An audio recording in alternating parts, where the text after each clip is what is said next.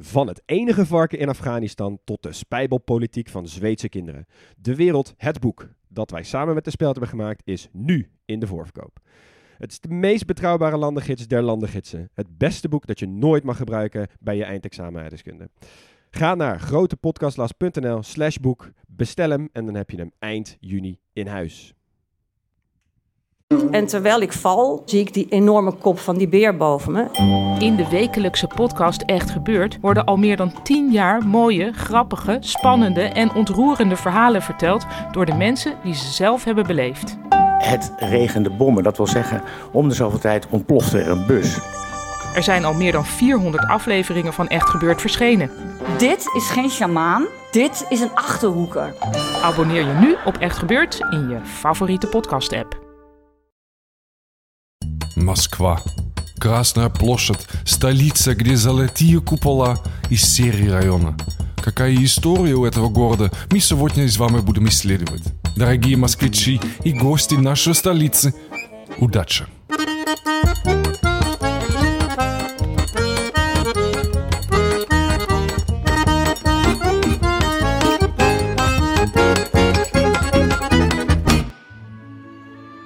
Moskou was lange tijd de hoofdstad van het Russische keizerrijk. Het was de hoofdstad van de Sovjet-Unie en nu van Poetins Rusland. Maar is Moskou nog van de Moscovieten?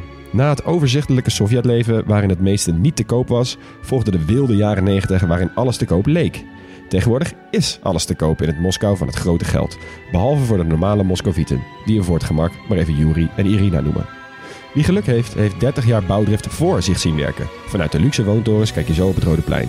Wie pech heeft, zit nog altijd in zijn Khrushchev-flat waar de verwarming het wel of niet doet. De cosmopolitische oligarchen lopen rondjes door dezelfde parken waarin de lente de doodgevroren zwervers onder de sneeuw vandaan komen, die de Moscovieten sneeuwklokjes noemen. Moskou is een stad van radicale vooruitgaan en oneindige nostalgie tegelijk. Van ongebreideld kapitalisme tot melancholische Sovjet-herinneringen. Dus wat wil een kleine podcast Last Steden Special nog meer? Dobro wat van Moskva. Zo, je hebt je weer even goed door die tongtwisters heen ge- ge- Ja, ge- het lijkt alsof je, het lijkt alsof je het steeds moeilijker maakt voor mij. Een soort Nederlands dicté wat ik hier moet voorlezen. Ja, Zo. wie weet hoe het allemaal gaan worden. Ja, Moskou. Eh, iemand geweest? Ja. Huug, jij bent denk ik de enige vaandeldrager hier, want wij zijn er allebei niet geweest. Nee, zeker niet. Ja. ja, daar loop ik ook graag mee te koop. Dat ik in eh, Moskou ben geweest. Als enige van jullie. Ja. nou ja, eh, ik vond het fantastisch. Ik was daar toen ik 17 was. En ehm, eh, ik zat in mijn eindexamenjaar. En het eindexamenjaar ging onder, geschiedenis onder andere over Koude Oorlog. Nou, dat was natuurlijk fantastisch om daar gewoon in levende lijven de plekken te zien waar over geschreven werd. Ja. Ja. Ja, En eh, toen jij 17 was, toen was het ook echt nog wel een andere stad dan nu, denk ik. Dat denk ik ook wel. Ja. 17 jaar geleden was er nog wel, al Poetin was er toen al wel. Ik denk niet dat er nu nog veel mensen heen gaan. ehm, om overduidelijke redenen. Ja. Maar het is wel een van de steden waar ik het liefst heen wil. Zo, maar ja, samen met Sint-Petersburg, die we overigens natuurlijk vandaag niet behandelen. Maar Nee. dat zijn wel twee steden die wel heel hoog op mijn lijstje staan inderdaad. Vanwege Ja. van wat jij zegt, Huug, inderdaad. Wel Van- heel anders, want ik, ik weet nog, mijn ouders wilden toen eigenlijk naar Sint-Petersburg, maar ik wilde liever naar Moskou en ik kreeg mijn zin. En, ehm, eh, want ja, ik snap het wel. Sint-Petersburg heeft natuurlijk meer culturele waarde, Ja. waar wij toch vooral naar op zoek gingen als we een stedentrip gingen maken. Maar Ja. Ik wilde gewoon heel graag de stad van de Sovjet-Unie Ja. eh, bekijken. En dat is natuurlijk Moskou veel meer dan Sint-Petersburg. Exact. ja, Moskou ja. speelt echt tot de verbeelding inderdaad. Ja. en ook als ik toch die hele grote steden kies in mijn leven, dan ik zit even, ik, ik zat eens even over na te denken dat ik, ik hou wel van steden die, die mooi zijn en lelijk. En Ja. die eh, geschiedkundig en, en cultureel zo heel veel waarde hebben. Maar waar ik ook een beetje bang voor ben. Ja, nou dan Ja. zit je in Moskou heel Dus goed. dingen als, als, als Istanbul goeie, Kaapstad? Istanbul en eh, Mumbai bijvoorbeeld. Dat Ja, soort steden. Vind ik fantastische steden. Dus Ja. ik denk dat ik Moskou ook gewoon zo vet zou vinden. Ja, dat denk ik ook. Dan moeten we even noemen. eh, er is iemand eh, aan de haal gegaan met onze feitjesgenerator. Ja, vet leuk. Ja. Ja. we kregen een, een reactie van de luisteraar. Die is overigens ook even vriend van de show geworden. En ehm, die heeft een, eh, een serious game ontwikkeld aan de hand van onze feitjesgenerator. Dus wat hij eigenlijk gedaan heeft, is een soort van een hele basisset aan regels opgesteld. En ehm, je kunt eigenlijk gewoon die feitjes inladen. Gewoon elk feitje per keer. En het idee is dat je daar zelf een soort meer keuzevraag van maakt. Ja. Dus eh, als je ziet van eh, wat is eh grootste de, de Great Barrier Reef bijvoorbeeld, Ja. hoe groot is dat dan? Dat staat in het feitje. En dan kun je daar ook drie foute antwoorden omheen verzinnen. Ja. En dat kun je dus aan je vrienden gaan, gaan stellen. Ja, wat is het rondste land ter wereld? En dan kan je met Vaticaanstad, Monaco, Sierra Leone of weet ik veel, Zimbabwe. Ja, precies. Of je gaat inderdaad zeggen van wat is niet waar. Weet Ja, je wel? Dus je, ja. je kunt redelijk, het is wat dat betreft een redelijk, eh, eh, niet zo'n fijnmazig eh, ingekleurd iets. Het is echt een raamwerk. Je mag zelf bepalen hoe je die quiz helemaal gaat maken. Maar hij heeft toch wel redelijk goed uitgedacht. Ik Ja. vond het vet mooi. Echt een Ja. hele set aan regels. Hij staat op de socials ook. Eddie Bruin heet hij, hè? Ja, Eddie Bruin. Die, Ja, en Ja. eh, je kan hem ook vinden via de link theserious.gamers.com. En nu komt hij. Slash de streepje grote streepje podcast last les. Lekker. Ja, en het is een serious game. En het houdt eigenlijk in dus dat je er ook een ander doel hebt dan puur vermaak. Dus je leert er ook nog flink wat van. Want ja, het zijn de feitjes uit de feitjesgenerator Ja. op de website. Precies. Waar we allemaal niet komen door die vrienden van de show. Ja, Nou, zeker. leuke dingen wat mensen ook allemaal ja. doen. ja. We kregen ook een berichtje van Sander van Roest. Ehm, die zei, bonsoir, net naar Nederland gereden vanuit Parijs... en jullie aflevering over Maleisië geluisterd. Ik luister altijd alle afleveringen met veel plezier. En ehm, ik heb nog een leuk feitje over Borneo. Dat hoorde hij van de gids toen hij daar in de jungle was. Namelijk, er leeft daar een aap, proboscis... en die heeft de bijnaam Dutch Monkey... omdat de locals de aap, die een hele grote neus en een buikje hebben... op de Nederlandse bezetter vonden lijken. Nou, google dat beestje maar even... Ja. En trek je eigen conclusie of je het wel, of we er wel of niet op lijken. 100 procent. Ik, Ja, ik zag het echt meteen. Een beetje rode neus. Echt Ja. zo'n eh, echt, echt zo'n typische. Nederlander. in de Dus zomer. op proboscis Of of, Dutch Dutch, Monkey. Monkey. Ja. En dan... eh, En kijk weet die aap even een kaki outfit aan heeft. Ja, en ik heb deze, eh, dit feitje heb nu, staat ook in de feitgenerator op de website. Dus heb je echt hele leuke dingen van landen die we hebben besproken. Stuur ze in en wie weet eh, beland jij ook gewoon op de website. Ehm, Dan kunnen we je bedanken. Wie we ook willen bedanken zijn eh, weer de nieuwe vrienden van de show. Namelijk Inge, Sam Cornelissen, Nice Nico, of Nice Nico, Niels van der Haar, Marcel, Eddie Bruin dus, Stijn en Sophie. Ehm, en Sophie, eh, die had nog een berichtje achtergelaten bij ons op eh, Vriend van de Show. Daar kan je ook nog berichtjes achterlaten over de vraag welk land zij wilde wij gaan behandelen. China, vraagt zij. Ja, dat, dat gaat wel aankomen, maar daar moeten we even wat voorbereidingswerk in stoppen. Ook hoog op onze lijst. Eh, maar wat het leuk was, zij zegt... maar eigenlijk maakt het mij niet zoveel uit... aangezien ik al jullie afleveringen super tof vind. Hoe minder ik de neiging voel om over een land iets te weten... hoe interessanter het vaak is. Ja, ik vond Ja. het een heel mooi compliment. ja, en dat ervaar ik zelf namelijk ook vaak bij het 100 onderzoek doen. Procent. Ja. Ja, ja, goed. Precies dat. ja, leuk. Heel mooi. Nou, en dan is het tijd voor Moskou. Want Moskou is toch wel een stad waar we meer over moeten gaan, eh, gaan leren. En er is zoveel over te weten, dus we gaan van start met het paspoortje. Dus waar ligt Moskou? Ehm, kortweg in het Europese deel van Rusland. En zelfs verhoudingsgewijs daar nog van in het westelijke deel. Dus even om te illustreren, het is maar 400 kilometer naar de westgrens. Dus met Wit-Rusland, Belarus. En 6.500 kilometer naar Vladivostok. Hoeveel? 6000? 6.500 kilometer. Mooi, joh. Ja, dus eh, het ligt relatief dichtbij als je het op die schaal wil bekijken. Ja. Eh, Moskou ligt aan de rivier de Moskwa, vandaar de naam. En eh, ik, ik had eens even zitten kijken, die, die, die rivier die slingert zich echt een weg door de stad. Ik vond het wel wat weg hebben van de Seine in Parijs. Ja. Eh, Ja. Die kaarten die lijken best wel een beetje op elkaar. En je ziet echt aan alles dat het ook echt een hele gecentraliseerde hoofdstad is. Ja. Dus alle wegen leiden in dit geval niet naar Rome, maar naar Moskou. Ja. En ook daar heeft het wel wat weg van Parijs. Dus Ja, alles klopt. gaat naar de Het heeft steden. ook zo'n eiland in die rivier, net Ja. als Parijs. Ja. Ik, is- vond, ik vond het dus ook wel een beetje lijken op Londen. Met echt een heel duidelijk noordelijk en zuidelijk deel. Ook met zo'n rivier die Ja. er dwars doorheen strookt. Ja, ook ja, zo. het gemiddelde van die twee steden. Mooi. Hey, die oppervlakte samen met de inwoners gedaan. Vorige keer ook met, eh, met, eh, met New York. Dus dat doe ik nu ook even. Qua oppervlakte is de urban area van, eh, van, van Moskou iets minder dan de helft van die van New York. Maar wel met een stuk hogere bevolkingsdichtheid. Dus eh, alles bij elkaar wonen daar wel meer dan 17,5 miljoen mensen. Zo. Precies, eh, precies evenveel als Nederland. Ja, oh ja. ja. Op een stukje dat iets groter is dan Noord- en Zuid-Holland samen. ja. Van de 100 eh Moscovieten zijn er 55 Oosters-orthodox en 28 hebben er dan geen religie. En 8 hebben de islam als religie. Mhm. Nog wel. De taal is wat makkelijker dan bij eh, New York, want ja, het overgrote deel van de bevolking is wel gewoon Rus Ja. en spreekt dus ook Russisch. Maar toch, iedereen komt erop af, hè, van eh, zeker omliggende landen. Eh, dus je hoort er ook wel Oekraïens, Armeens, Azeri uit Azerbeidzjan, Oezbeeks, Tataars. ja. Maar dat zijn relatief kleine talen voor, voor Moskou. Dus Russisch is echt wel de taal waarmee je heel goed kan redden. Die echt bijna iedereen spreekt. Achternamen is dan ook geen verrassing dat het Russische achternamen zijn. En die verbuigen natuurlijk. Hè, dus eh, of wordt Of. Ova. Ja. Eh, dus ik pak ze even samen. Je hebt eh, Ivanov, Kuznetsov en Smirnov. En dat worden dus ook de vrouwelijke varianten. Ivanova, Kuznetsova en Smirnova. Ja. Let op de accenten. Ja. En de vlag is wel mooi. Het is een donkerrode vlag. Met daarop Joris van Cappadocië. Eh, die we ook wel kennen als Sint Joris. Ja, van Ja, jongens en van de jongens draak. en de draak. En ge- steekt ook zo'n draak neer, toch? Ja, Ja. exact. Ja. Ja. in Georgië hebben we het ook al over hem gehad. Dus die komt toch wel redelijk vaak terug. Ja, ik kom wel regelmatig terug, ja.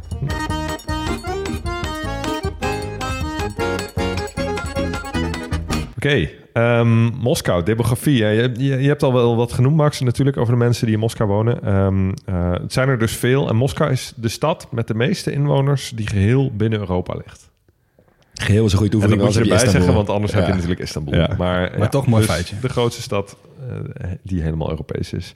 Ehm eh 17,5 miljoen mensen dus in het, in het metropoolgebied.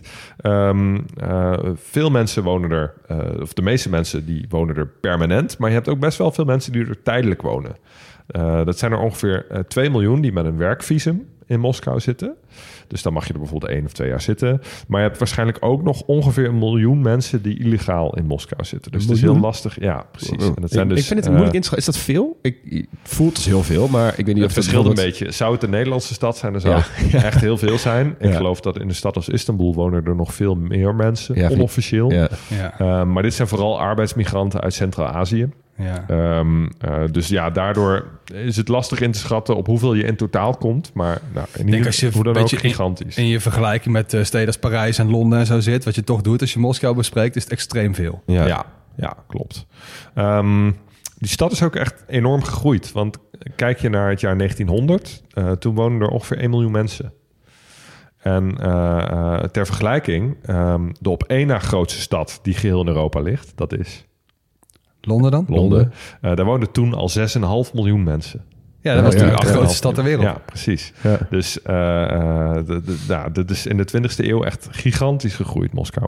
Ehm, om die groei te beperken voert Moskou trouwens ook tegenwoordig een super streng immigratiebeleid. Wat wel, best wel bijzonder is voor een stad. Dus het is Ja. niet het land Ah, Rusland oké, wat het doet, ja. maar dus de stad. Dus, dus ze doen dat om ehm, binnenlandse migratie te beperken.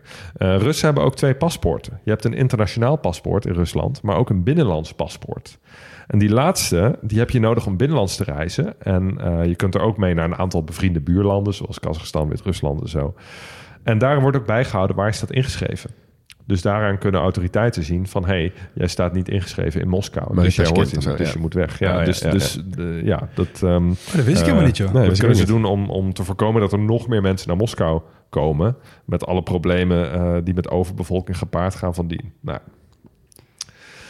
nou we duiken eh, met jullie de geschiedenis in. En ja, de geschiedenis van Moskou is natuurlijk een... eh, nou, ik was heel blij dat ik dit loodje trok. Ik dacht Ja, ik zag ja, het dat- ook echt heel erg voor me dat jij dit ging doen. Want ik vond Ik dat, eh, dat je het in het Vaticaan staat ook al zo goed. Dat is ook zo'n klassiek landje. Ja. Nou, doe dit dan maar keer, eh, nou, keer een miljoen aan grootte ongeveer. Dus eh, let's go. Ja, nou precies. Je krijgt natuurlijk ook automatisch een stukje van de geschiedenis van Rusland mee.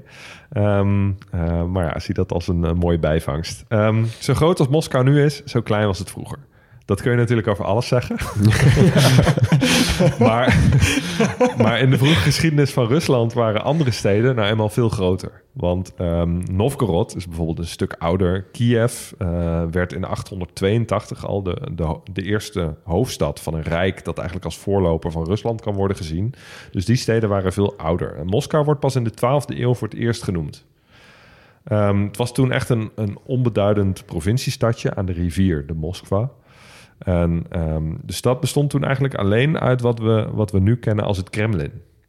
Eh, Een kleine, Ja, ja, ja. ommuurde binnenstad. En dat is ook eigenlijk de letterlijke betekenis van Kremlin. En in Nederland denken we bij het woord Kremlin al heel snel aan het Kremlin in Moskou. Maar heel veel Russische steden, Russische oude steden, hebben Kremlins. Ja. Dus dat is Ja. gewoon een ommuurde oude Ja, stad. Een soort Medina of zo. Gewoon echt een... Ja. eh, ja. Daar kan je als het je- goed mee vergelijken. Precies, als je dus zoekt naar Kremlin, dan staat er dus Ja. altijd overal tussen haakjes achter Moskou. Dat Ja. Ja. Goeie. is grappig Ehm, trouwens om te weten, dus dat Utrecht is dus ouder dan Moskou. ja, zeker. Ja, grappig. Ja. Dat had ik helemaal niet zo beseft Ja. eigenlijk. Je gaat er ja. vanuit bij zo'n groot rijk en zo'n oude stad, dat je dan meteen denkt, oh, die is echt het heel is een, oud. Het is een tamelijk jonge stad. Nou ja, Ja. Sint-Petersburg is nog veel jonger. Ja, New York is nog veel jonger, maar Ja, natuurlijk. Maar eh, vergeleken met, met eh, andere steden in het gebied was het tamelijk jong. Nou, niet lang na de stichting van Moskou eigenlijk kwamen de Mongolen. Als je daar meer over wil weten, ga even de aflevering Mongolië luisteren. Ehm, en dat was voor Moskou zowel een vloek als een zegen. Wat willen jullie eerst? Goed of het slechte nieuws? Eerst slecht. Oké, het slechte nieuws was dat de stad helemaal werd, af, werd platgebrand en alle inwoners werden vermoord. Classic, classic Mongolen. Best wel Beter slecht. is het goede nieuws dan ook wel echt heel goed. Nou ja, het, het goede nieuws was dat het Mongoolse Rijk ook een einde maakte aan de overheersing van Kiev over dit deel van, eh, van de wereld. Ah, oké. Ehm, eh, eh, de Mongolen die bezetten Moskou namelijk niet en die bleef vooral op de steppen. Dus de stad die kon langzaam weer worden opgebouwd. En in de 14e eeuw werd Moskou een groot vorstendom. Ehm, eh, het Mongoolse Rijk verbrokkelde langzaam. Dus dat groot vorstendom dat kon daardoor steeds meer omliggend gebied veroveren. Dus dat was eigenlijk een stadstaat die steeds groter werd... en onder het juk van Kiev vandaan was gekomen. Ja, oh ja. Nou, rond 1500 was Ivan III grootvorst van Moskou. Is dat I- Ivan de Verschrikkelijke? Nee, dit Ah, is jammer. Ivan de Grote.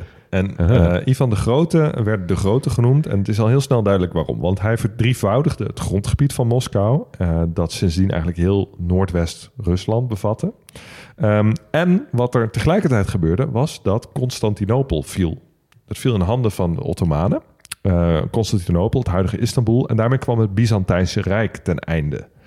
En Constantinopel islamiseerde. Nou, wat heeft dat hiermee te maken? Eh, steden als Kiev en Moskou hadden heel lang onder culturele invloed van het Byzantijnse Rijk gestaan. Ze hadden bijvoorbeeld de, orthodoxe christelijke kerk overgenomen van het Byzantijnse Rijk. Ehm, en met de val van Constantinopel en dus de, de islamisering, dat is ook de periode waarin bijvoorbeeld de Hagia Sophia eh, eh, niet langer een kerk was, maar een moskee, ehm, werd Moskou eigenlijk het nieuwe centrum van de Oosters-Orthodoxe kerk. En eh, Ivan de Grote was bovendien getrouwd met een Byzantijnse prinses. En hij vond daarom dat de Romeinse keizertitel, die nog Uh-huh. werd gebezigd in het, in het Byzantijnse Rijk, op hem over was gegaan. Ah. Dus hij ging zich voortaan eh, niet alleen grootvorst van Moskou noemen, maar ook keizer van heel Rusland. Tsaar. Ah, ja. Ja. Ja.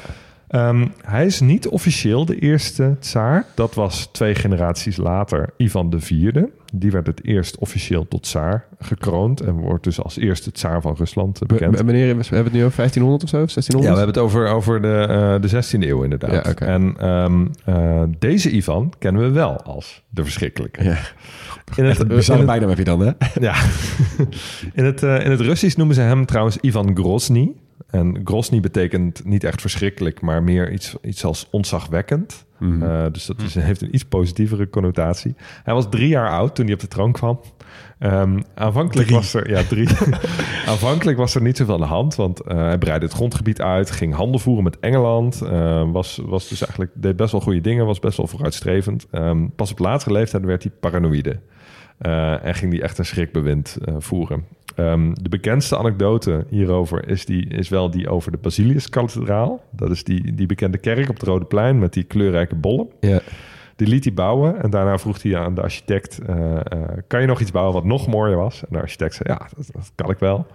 En eh, daarop heeft Ivan de ogen van de architect laten uitsteken... ehm, eh, zodat hij dat nooit meer zou kunnen doen. Ja, dus het verhaal wordt wel heel erg betwist. Ja. Want is wel de strikvragen der strikvragen. ja, maar wederom, sommige dingen moet je niet doodfact checken, toch? Dit is wel nee, wel nee, nee. Maar goed, het, het zou zijn dat deze architect nadien nog andere bouw heeft ontworpen. Nou, dat is vrij lastig als je blind bent. Dus, nou goed. Ik wil, eh, ik wil de pret niet drukken. Ehm Ivan de Verschrikkelijke, die kreeg acht kinderen. eh, waarvan vijf jongens. Ehm, twee daarvan stierven heel jong. Twee anderen werden vermoord. Waar, waarvan één per ongeluk in een driftbui door hemzelf. en de enige die overbleef was gehandicapt. Nou, dat, was- Oké. ja, dat luidde nogal een, een roerige tijd in, in de Russische geschiedenis. Ja, er waren er toch allemaal lui die zich voordeden als zoons van en dochters van Ja, Ivan. ja klopt. Ehm, En zo, nou ben ja, ik, zo ben ik terechtgekomen op de Wikipedia-pagina van valse Dimitri III. de- ja, nou, ga daar vooral even kijken. Sowieso, wij- sowieso onderzoek naar Rusland is echt bij mij nummer één aan Wikiloopjes. Ja, Mm. Waar je terecht in komt. 100 procent. Maar ook de hele tijd van... Oh, maar is deze Ivan dan... Nee, nee, nee, dit is een andere. Ja, Is dit dan die Peter? Is dat Ja. dan de grote? precies. nou, we gaan inderdaad wel een stukje vooruit. Blijven hier niet hangen. Naar tsaar Peter de Grote.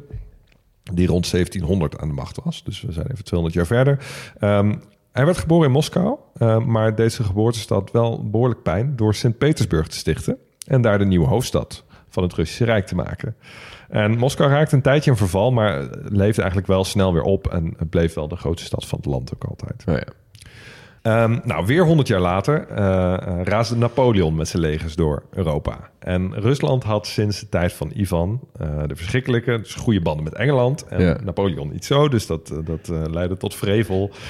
Kon Napoleon niet hebben. Dus wat gebeurde er? In 1812 stuurde hij zijn grande armee naar Moskou. 600.000 man sterk.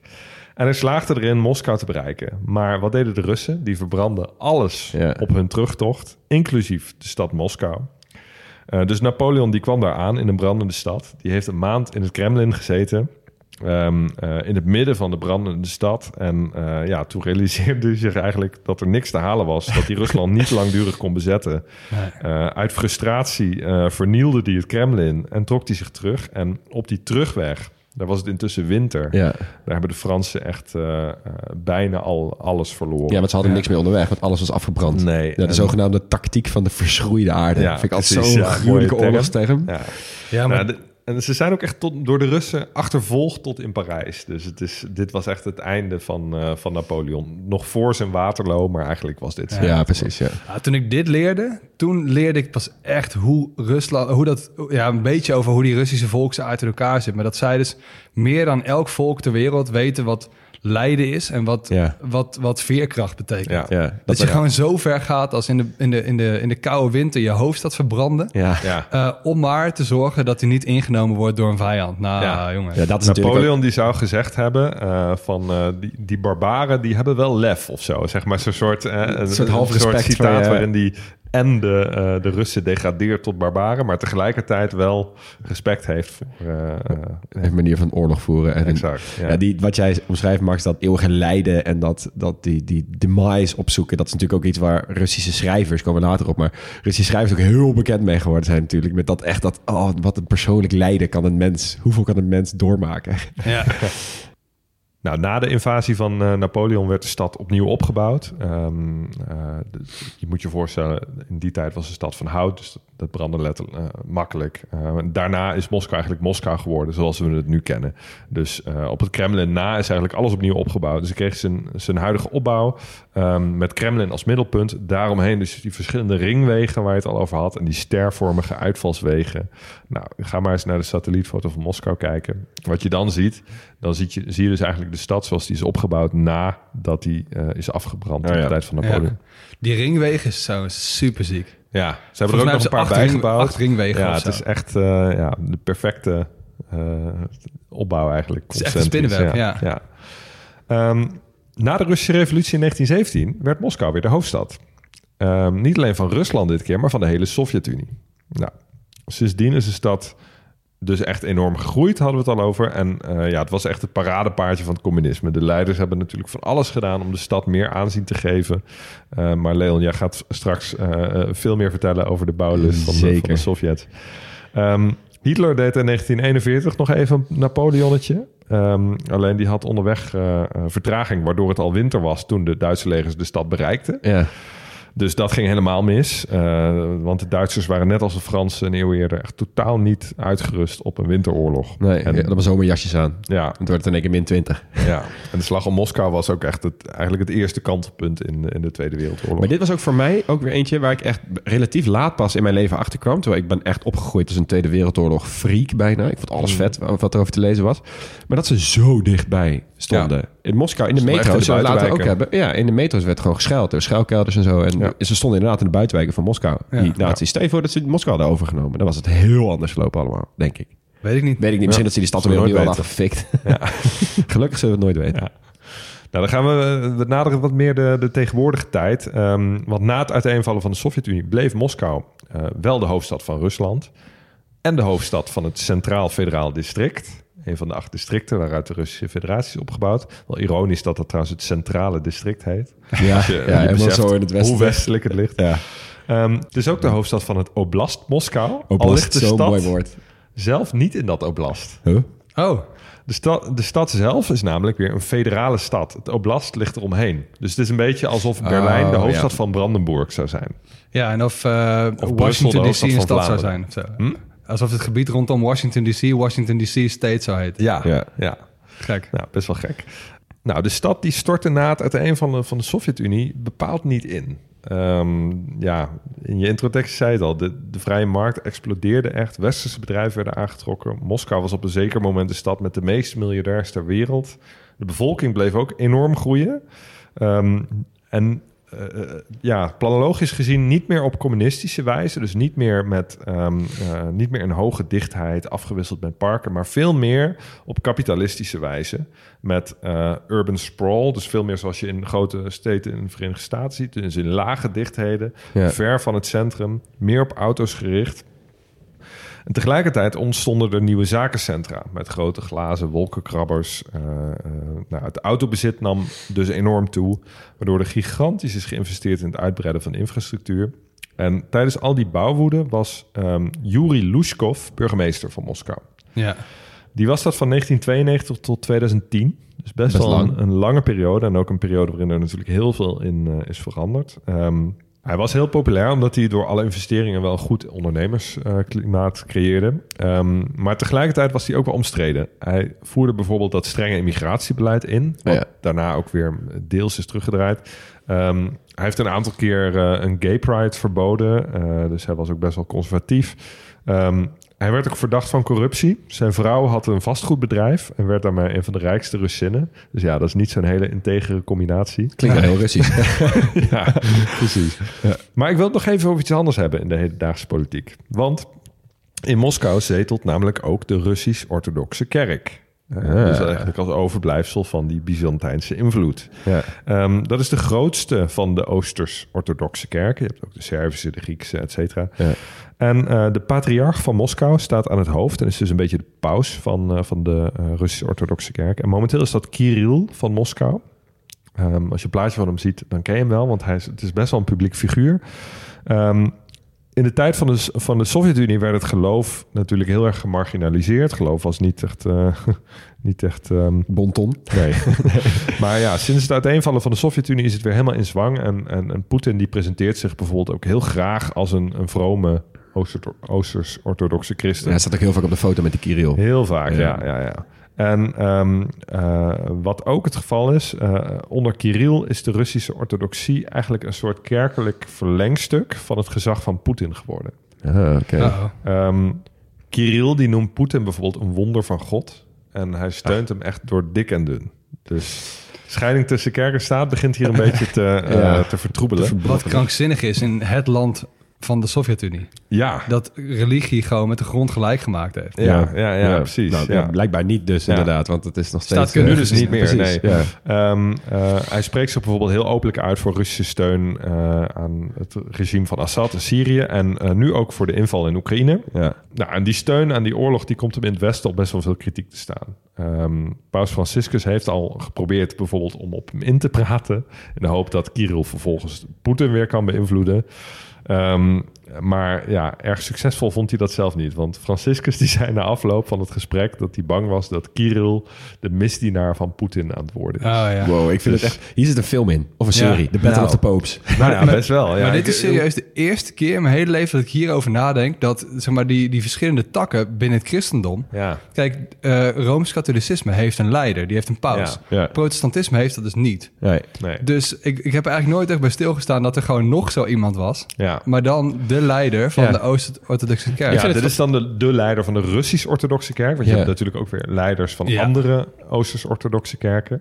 Ja. Ehm, eh, ja, maar in- in- inderdaad, dit is best wel een, een kant van de politiek die je misschien, waar je misschien niet als eerste aan denkt, maar wel heel belangrijk is en, heel, en op enige manier heel veel invloed heeft. Ja. Ik vind, Ehm, ik vind vooral een gemiste kans dat er niet een speciaal woord is. Die, die Russen zijn vet goed in eigen woorden verzinnen voor dingen. Tsaar bijvoorbeeld, een Ja. oblast. En dit is gewoon een patriarch. Ja, verzin dan Ja. ook een vet...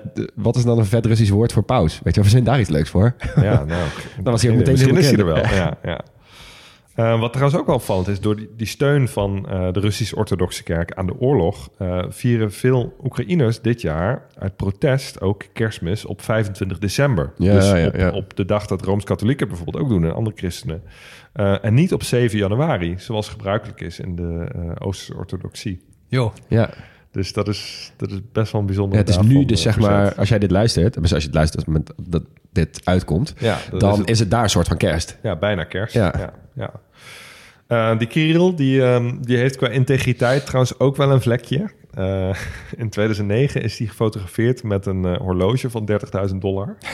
Wat Ah. voor een geestelijke natuurlijk een beetje gek is. Ja. Eh, korte tijd later was het horloge uit de foto geshopt. en eh, Kirill die, die ontkende in alle toonaarden. Ehm, ze waren alleen vergeten om het horloge weg te shoppen uit de weerspiegeling van een tafel. Nee. dus, Oh. dus uiteindelijk heeft hij wel publiekelijk excuses moeten maken. Classic.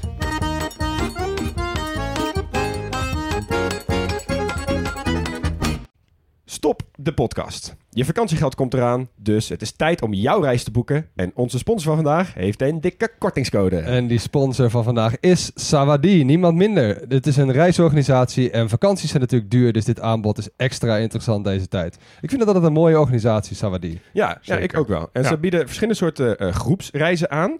Eh, en vandaag gaan we het even hebben over die ze aanbieden aan de 22 tot 35-jarige backpackers. En dat zijn over het algemeen mensen die wel wat meer willen weten over het land dat ze bezoeken. En dus niet zomaar van A naar B die hotspots aflopen, busje in, busje uit. Ja, en het zijn ook mensen die het vaak leuk vinden in een groep eh, te reizen. En eh, die groepen die blijken ook heel snel vriendengroep te worden. Zowel tijdens de reis als daarna. Eh, mensen komen vaak nog heel, veel, heel vaak met elkaar terug, spreken af om te meeten en zo. En je kunt dus ook echt naar heel veel plekken op de wereld. Populair zijn op dit moment plekken als Zuid-Afrika, Marokko, Jordanië, Colombia, Nepal. Eh, maar bijvoorbeeld ook plekken die normaal gesproken niet altijd makkelijk te bereizen zijn voor, ik zeg maar wat, alleen reizende vrouwen. En dat zijn dan bijvoorbeeld plekken als India. Ja, en ze werken natuurlijk samen met lokale organisaties, niet met de grotere hotelketens. Eh, ze eten bij locals, eh, lopen rond met mensen die heel veel kennis hebben over de lokale gang van zaken. En daar komt de kortingscode om de hoek kijken. Want als je nu een 22 tot 35ers reis boekt, krijg je 100 euro korting met de code TGP100. En die code is geldig van 1 mei tot 16 juni. Ja, dus je moet wel een beetje op tijd boeken, maar hey, 100 euro korting op zo'n reis. Moet je kijken dat- wat je er allemaal mee kan ik doen. zou dat toch altijd even proberen om TGP 200 in Ja, te voeren. ja, ja, ja, ja. ik misschien. Ja. Ja, ik- Anyway, 100 is ook al super mooi. Zeker. En bij Sawadee, het reizen is heel makkelijk. Er is heel veel keuze en het is dus ook heel gezellig. Sawadee, met wie ga jij op reis? Terug naar de podcast.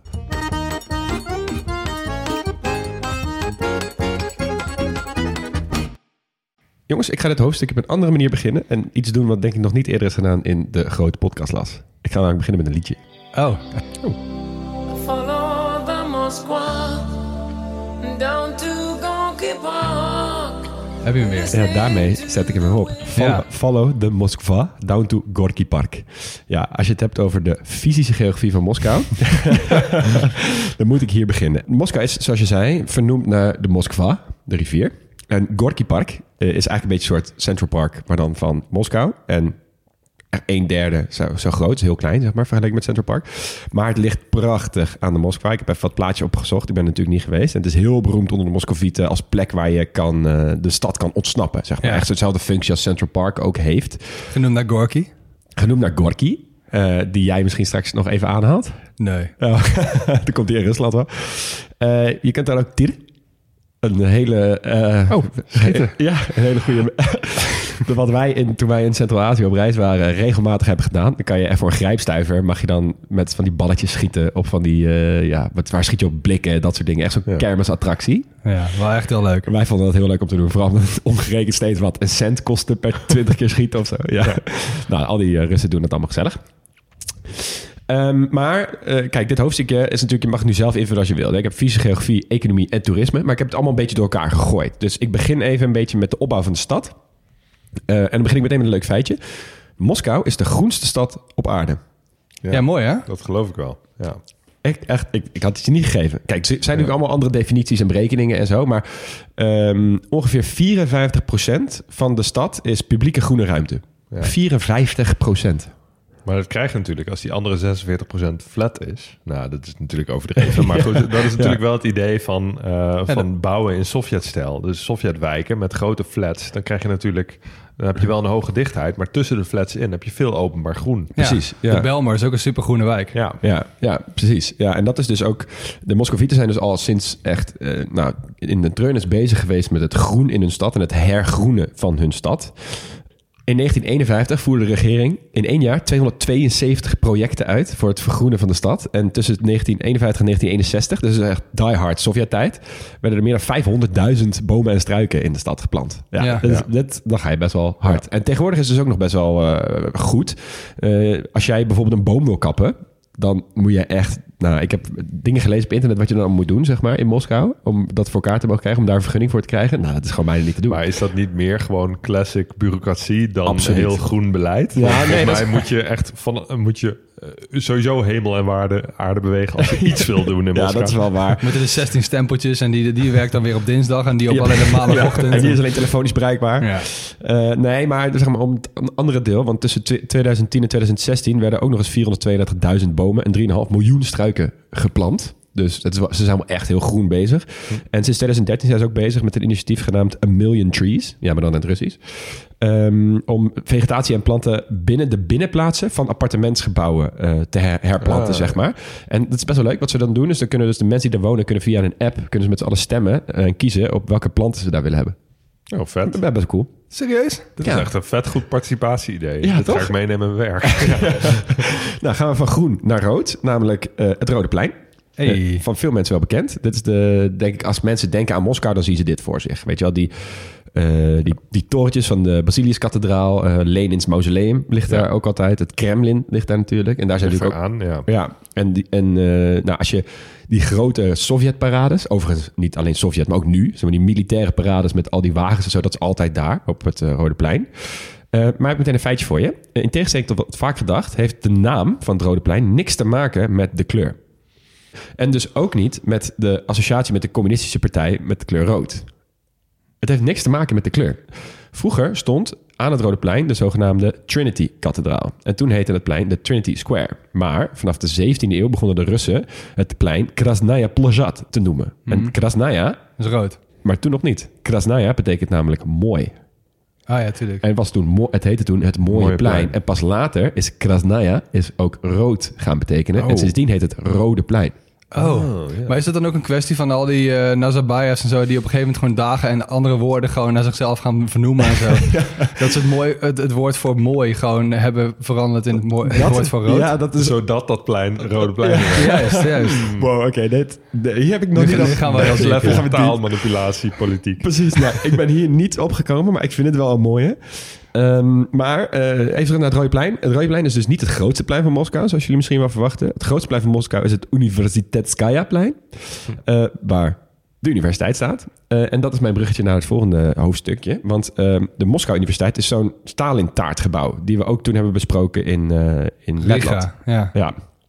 Het is echt zo'n blokkendoos met een piek. Zeg maar, als je, ja, als je gewoon een groot soort paleis maakt en je zet er een grote piek op, dan heb je zo'n echt zo'n zo'n zo'n typische Stalin taart. Eh, het is een, eh, eigenlijk gewoon een wolkenkrabber van 239 meter, de universiteit. En het was tot 1990 het hoogste gebouw in Europa. En het is nog steeds het hoogste onderwijsgebouw ter wereld. En breed, hè? Ja, Ja. Dus niet alleen maar een toren. Nee. En qua bouwstijl is het ook afgekeken van de wolkkrabbers in Manhattan. Hè? Daar ga ik je nu mee meenemen. een geschiedenislesje. Het was namelijk één van de zeven wolkenkrabbers van Stalin. De zeven zussen. En nee, niet de zeven zussen van Lucinda Riley, die boekenserie... maar de zeven wolkenkrabbers van Moskou... gebouwd in, het in de Stalinistische periode en stijl... tussen 1933 en 1955.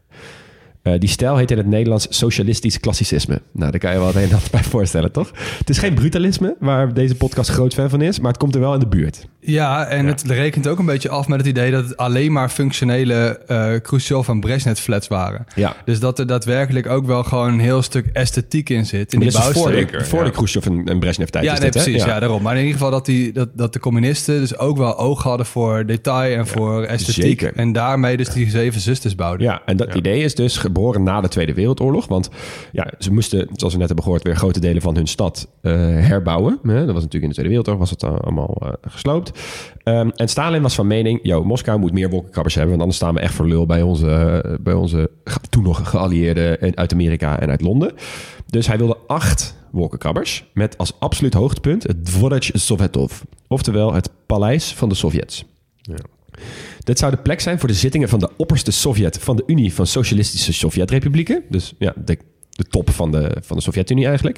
En eh, de zaal in dat gebouw moest 130 meter breed en 100 meter hoog worden. En daar moesten dan dus 20.000 mensen in kunnen. Dus een soort Madison Square Garden, maar dan avant la lettre. Ehm, er werd al begonnen met de bouw van dat paleis in de jaren 30. Eh, en de fundering was in 1939 voltooid. Maar ja, wat gebeurde er toen? Ja, toen ging het niet zo goed met de En wereld. toen kwamen de Duitsers. En toen hebben ze dus het, een groot deel van het stalen frame afgebroken... om er tankblokkades van te maken aan de rand van de stad... zodat de, de, de, de nazi's niet binnen konden.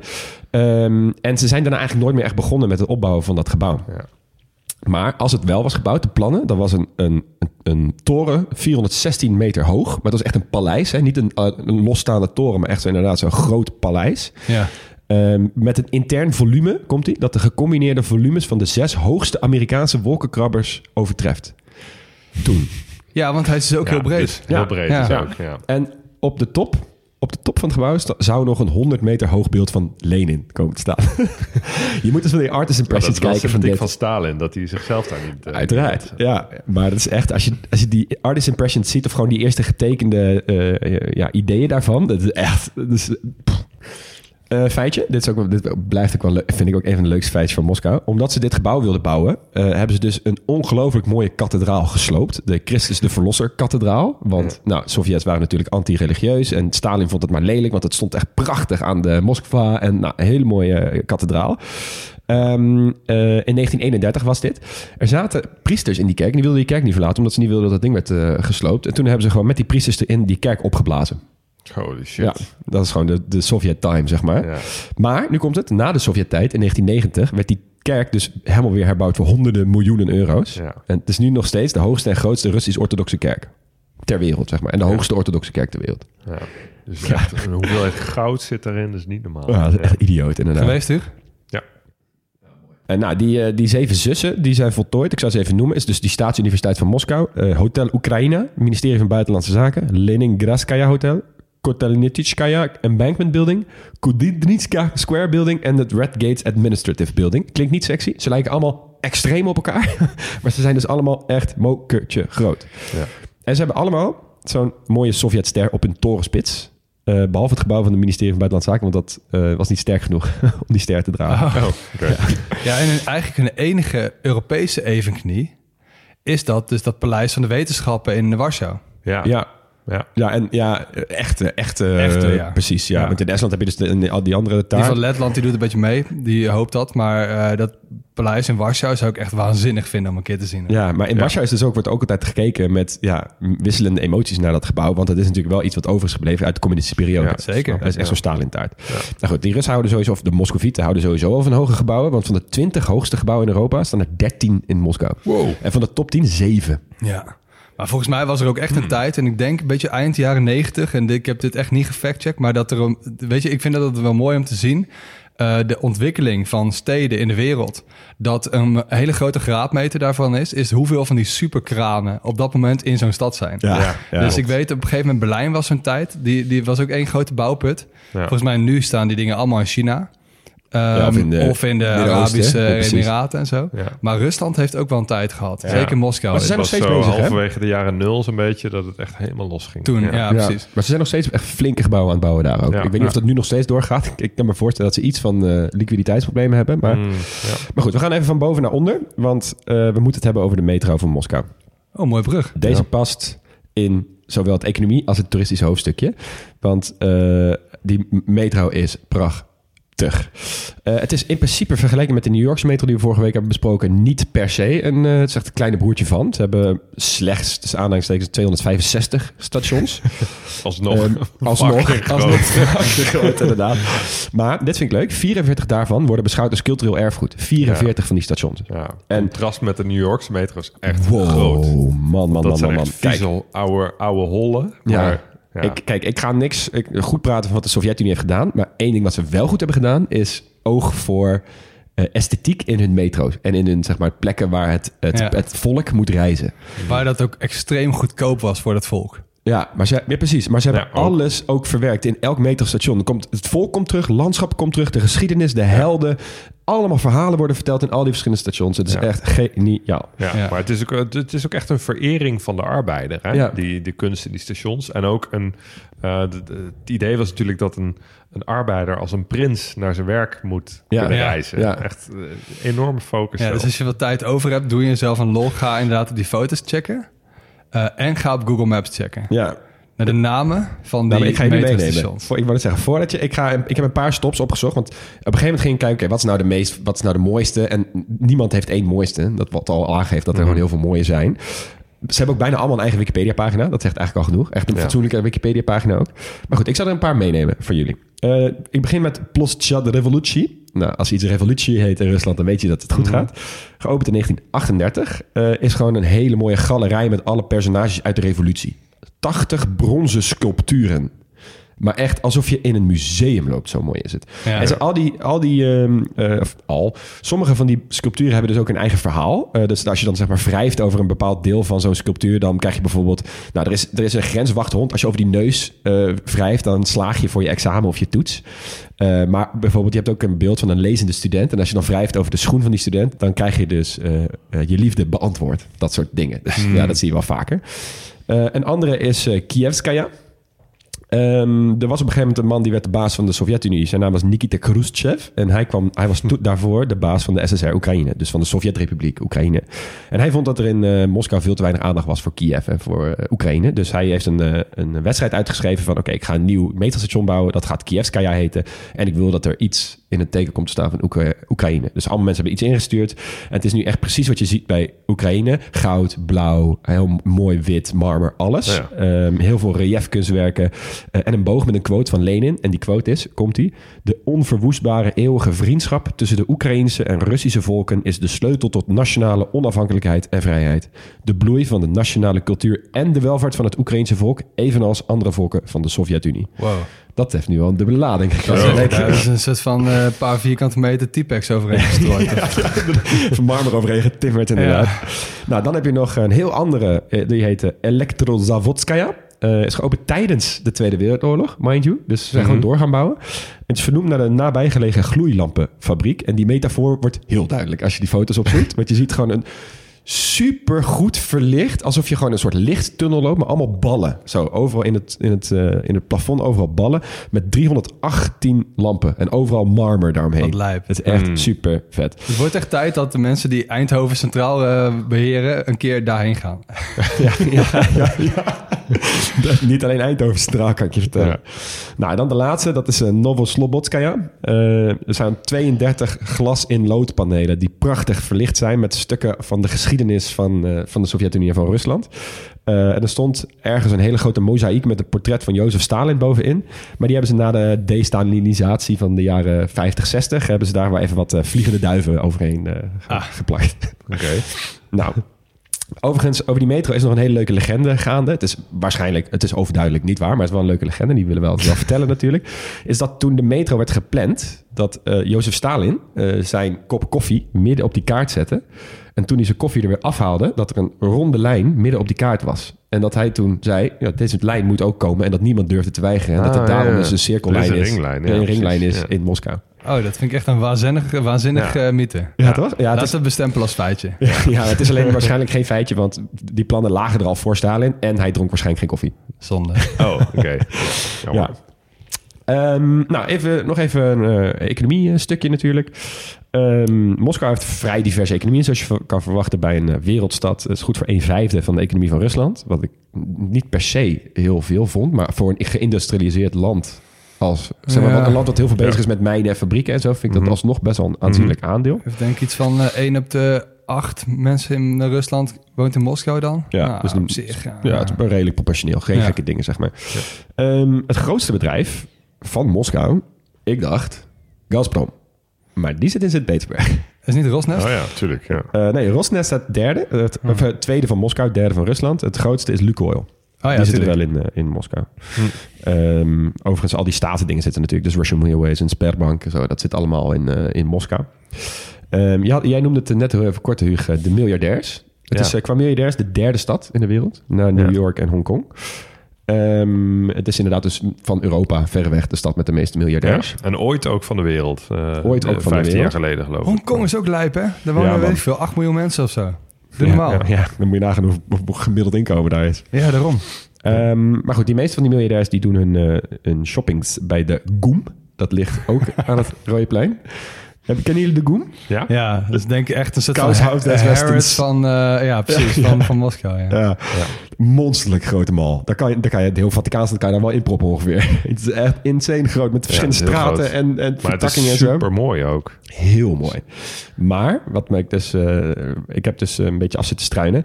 Tegenwoordig staat het natuurlijk grotendeels leeg. Of grotendeels. Heel veel Ah, winkels ja. zijn gesloten. Heel veel westerse ketens zijn natuurlijk Precies. weg. Die zijn, allemaal, eh, die zijn allemaal vertrokken. Ja. Eh, dat heb ik gelezen, overigens, in de Moscow Times. En de Moscow Times is dus een internationale krant. Die is opgericht door de Nederlander Dirk Sauer. Dus even nog een Nederlands tintje om mee af te sluiten. En eigenlijk was hij een van die lui die dus vlak na de val van het communisme eh hel zag en geld zag in eh, de, de nieuwe Rusland, het nieuwe Rusland. Eh, en hij, is toen een, hij merkte op dat er heel veel expats waren in Moskou. En hij dacht, ja, wacht eens even, ik kan geen Russisch. Maar er zitten wel heel veel expats die ook geen Russisch kunnen. Maar we willen wel weten wat er gaande is in deze stad en in dit Ja. land. En hij heeft toen de Moscow Times opgericht. Werd echt gezien, ook volgens mij nu nog steeds, maar werd echt groot gezien als een grote kwaliteitskrant. Eh, veel zijn wat startende, startende editors en eh, journalisten en correspondenten daar gestart die nu bijvoorbeeld bij de Times werken. We bestaan nog steeds, maar het is alleen nog online. Eh, en ja, ze zitten niet meer in Moskou. Want ja, die strengere perswetten die zijn natuurlijk heftig geworden. Dus ze zijn naar Amsterdam verhuisd. En de website is inmiddels ook verboden in Moskou. Dus ironisch genoeg is de Moscow Times in Moskou niet meer te lezen. Gek. Ik vind het ook wel vet dat die, eh, dat die Dirk dus niet alleen inderdaad kijkt vanuit de experts die iets willen lezen over Moskou en de wereld. Maar dus ook van, er komt ineens een gigantisch land beschikbaar die ook eh, wil lezen over dingen als cosmetica en zo. Weet Ja. je wel? Dus de- al die cosmopolitans daarheen gehaald. ja, ja, inderdaad. Ja. Cosmopolitan is niet het, het drankje, maar het blad. Ja, ja. ja, precies.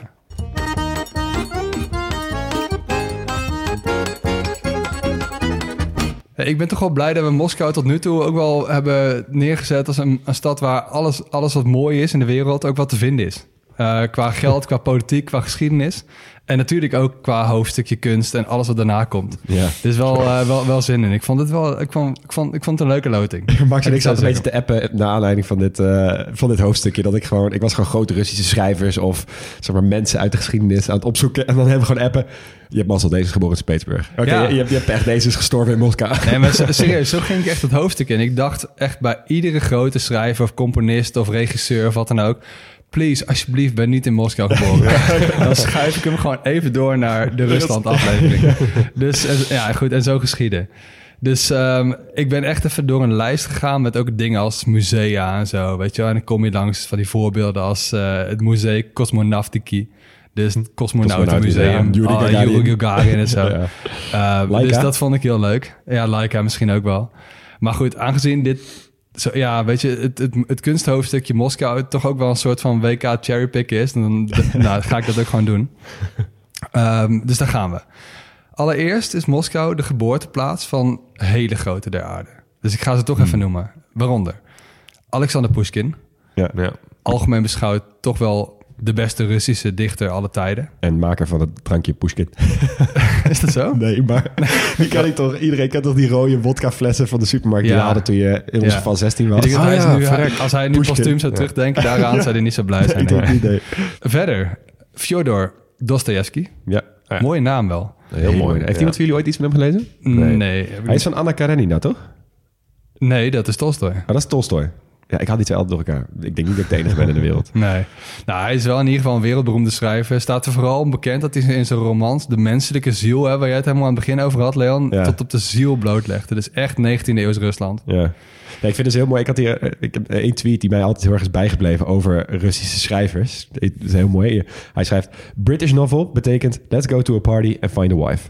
A German, a German novel is let's go to the wilderness and find ourselves. And a Russian novel is let's go to the depths of despair and then find out there's an even deeper level of despair we don't know about and go there. Oei. dat is zo Russisch. Dat is inderdaad wel echt heel goed. Ja. Ja. Nou ja, goed, dus je ziet... eh, die, op zich, qua historie snap ik het ook wel... dat die daar dan geschreven worden, dat soort boeken. Ja. Nou, eh, iets blijer. Iemand die ook uit Moskou kwam. Oleg Popov. Zegt het je dit? ja, die naam zegt me wel iets. Ja, maar ik ken wel meerdere Popovs. Ik weet even niet wie, welke je bedoelt. Dit is... Oh, dit is die clown. Ja! Ja. Ja. 's wereld, misschien wel 's werelds bekendste clown. Ja, oh ja, ja, ja inderdaad. Sowieso was circus natuurlijk wel echt groot in de Sovjet-Unie. Ja, een vermaak voor, eh, voor de mensen, Ja, het volk. maar, maar hij werd echt wel geëxporteerd als een soort goodwill-ambassadeur. Trad op over de hele wereld. Ehm, hij heeft bijvoorbeeld een, een, een tour gedaan, eh, dagenlang achter elkaar uitverkocht Madison Square Garden, waar we het vorige week over hadden. Ja, echt vet. Maar ook heeft hij eh, bijvoorbeeld in Havana opgetreden tijdens de Cuba-crisis. Oké, een soort, eh, soort Sovjet Mr. Bean eigenlijk. Als je hem zo wil noemen, ja. Nou ja, en, en nogmaals, ik hoopte zo erg dat mensen dus niet uit Rusland kwamen. Dus Uit Moskou. opvallend veel mensen wiens achternaam begint met een T. Dus Tolstoy komt niet uit Moskou. Eh? Tchaikovsky komt niet uit Moskou. Chekhov komt niet uit Moskou. Eh, vaak zijn ze er dan wel gestorven, maar ja, we moeten een grens trekken, jongens. nou, dan eh, even wat plekken. Want misschien wel het bekendste theater ter wereld. Bolshoi. Het Bolshoi Theater. Geopend in 1825 en op dat moment het grootste theater in Moskou. Vandaar de naam. Bolshoi is groot, groot in, Ja. in. Eh, alle grote werken van de Russische opera, kunst, ehm, eh, ballet is daar ja, wel Ga je opgevoerd. het nog over ballet hebben, kan ik zeggen. Ja, Zwanemeer. Ja, het Zwanemeer van Tchaikovsky is daar, heeft daar zijn première gehad in 1877. Eh, het Bolshoi Ballet is ook wereldberoemd. Eh, twee fun facts over dat theater. Eh, de bezegeling van de vorming van de Sovjet-Unie in 1922 heeft hier plaatsgevonden. Wow. Dus ze hebben iedereen vanaf die, van, van die staten, van die deelstaten daarheen gehaald. Eh, en dat is dan wel gedaan in het Bolshoi Theater. Ja. Ehm, en tijdens de Tweede Wereldoorlog, tweede fun fact, wilden ze het gebouw kost wat kost sparen. Dus wat hebben ze gedaan? Ze hebben dat ge- gebouw vermomd als normaal gebouw. Vermomd. En op de buitenkant hebben ze een ander gebouw geschilderd. Wat vet. En omgekeerd hebben ze ook een, een gebouw wat daar ergens in de buurt stond, vermomd als Bolshoi Theater. Daar wilde je niet zijn. Stel je voor dat je daar woont. Wat zijn jullie aan het doen hier? Eh, ja, we zijn je huis aan het vormen als Bolshoi Theater. Ja, als nou, mocht er gebombardeerd worden, Ja. dan word jij in ieder geval als eerst geraakt. Als een soort van holy grail van, eh, voor, voor de aanvallende partij. Ja, nee, dat is niet ja. zo fijn. Overigens hebben ze dat ook gedaan met het Kremlin. Inclusief Lenin's mausoleum. Ook Daar hebben ze een houten vierkante gebouw overheen gebouwd. Zo. Als soort decoy. Maar ik ben, het Bolshoi Theater kan ik nog een soort van inkomen. Maar het Kremlin, dat iedereen weet, nou, of iedereen, als je de Ja. tegenstander bent en je bent zo, je werkt in zeg maar de intelligentiekant, Ja. dan weet je toch wel waar het Kremlin ligt. Tuurlijk, maar ja, hartje eh, Moskou ook. Lenin ligt er nog, toch? Lenin ligt er nog, ja. Ja. Wel Nou gelukt. dan hebben we het natuurlijk gehad over die basiliek. Eh, elke stad heeft zo'n icoon, weet je, van de Domtoren tot de Eiffeltoren. En in, in Moskou is dat natuurlijk die Basiliuskathedraal. Ja. Hmm. St. Basil's Cathedral in het Engels. In het Russisch Sobor Vasilia Blazhenugo. Ehm vind ik wel mooi dat het... Dit is een V. Vasilia. ja. Mhm. En niet Ba- Basil Nee, of. Basilius. Ah, dus daar ja. is echt ergens in die vertaling... is daar iets, iets, eh, iets, iets gebeurd, denk ik. Dus eigenlijk moeten wij zeggen de Sint-Vasilius-kathedraal. Ja. ja, misschien wel. Vasili, Ja. Vasilius klinkt ook veel Russischer Ja. dan Basil. Ja. Basilius. Dus er zijn er superveel dingen slecht vertaald. Ja. Ja. Ja. Het Russisch. Maar dit is niet een soort van Khrushchev. eh, dat is ook zo'n zo'n voorbeeld. Maar dit, volgens mij, die Vasi- eh, Vasilius, die komt uit Griekenland, geloof ik. Maar Ja. goed, dat, eh, dat doen we daar wel. Ooster, Oosters orthodox. Exact. ja. Vasilie. Maar niettemin is het wel een van de bekendste en mooiste kerken eh, van de wereld. Eh, het zijn eigenlijk acht kerken. Met elkaar verbonden door een soort moederkerk. Dus die houdt het allemaal bij elkaar. Ja. En wat ik dus heel vet vind, hij heeft geen voorkant. Zodat hij van elke Hij is kant mooi is. Ja, ja. Hij is ook Maar voordat je oud. gaat denken dat hij heel groot is, dat is hij dus helemaal niet. Nee. Het, zijn dus, het zijn dus wel acht kerken aan elkaar, maar het zijn echt kleine kamertjes eigenlijk. eh. Ja. Ja, maar hij is toch ook moker oud, toch? Of niet? Dat heb ik Eh, altijd herinnerd, dat hij daarom ook niet zo hoog was. Ja, Niet- ze- 16e eeuw ongeveer. Dus een beetje Ja, wat je Ja. Dus de. Notre Dame is een stuk ouder en hoger. Ja, Precies, ja, fair enough. oké. En in de 17e eeuw is hij pas heel bont geschilderd. Hij was als eerst wit. Oh. Nog een fun fact. eh, Stalin had grote plannen om hem te slopen. Zodat de auto's en militaire parades eh, dat plein op en af konden. Eh, en Rusland hield ze hard vast en de hele wereld ook. Eh, ik las zelfs ergens dat Eleanor Roosevelt aangeboden heeft om het hele gebouw af te breken en hem in de VS weer op te bouwen. maar dat kwam ik dus alleen tegen op de Nederlandstalige Wikipedia. Dus of Oh ja. diegene die dat heeft geschreven heeft heel goed onderzoek gedaan. Eh, Of, Of je het is denkt, niet yo, waar. ik, ik bedenk wat, kijken of het in de grote podcastlast terechtkomt. Ja, ja. En, en zo geschieden. Ja. Dus eh, laten we dit ook bestempelen als mythe. Dat is overigens niet doorgegaan, dat, eh, dat slopen van die kerk. Mede door een smeekbede van de architect die dat dan moest coördineren. Die is echt op zijn knieën gegaan. En ook dat is een beetje een, een, een, een, een schimmig verhaal. Maar goed, hij staat er nog. Dan muziek. Om dit culturele, muziekje, of, eh, culturele hoofdstukje even af te sluiten. Nice. En ik kan natuurlijk veel klassieke muziek laten horen van de grote Russen, met name dat ba- ballet en Bolshoi, maar dat, dat lukt nooit zo lekker. Weet je, want dat zijn dingen die duren uren. En het is heel moeilijk om daar gewoon een paar seconden van te vinden, dus dat gaan we niet doen. En bovendien is er heel veel te doen in de, in, in de moderne tijd. Dus eh, hoge cultuur, veel sorry. Maar eh, we gaan toch even door naar wat, eh, wat anders.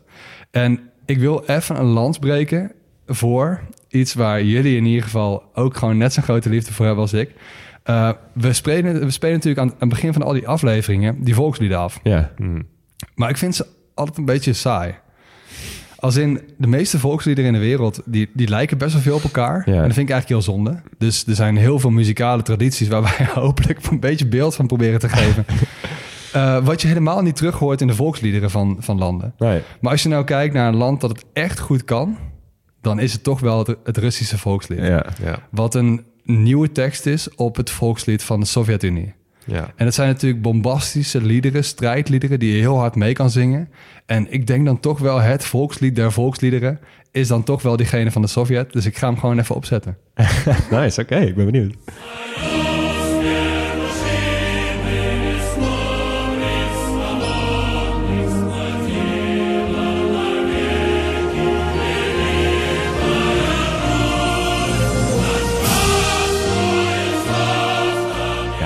Heel herkenbaar. Heel, Heel episch. heel episch inderdaad. Bij de kippenvelwerk, zeg maar. Echt, ja.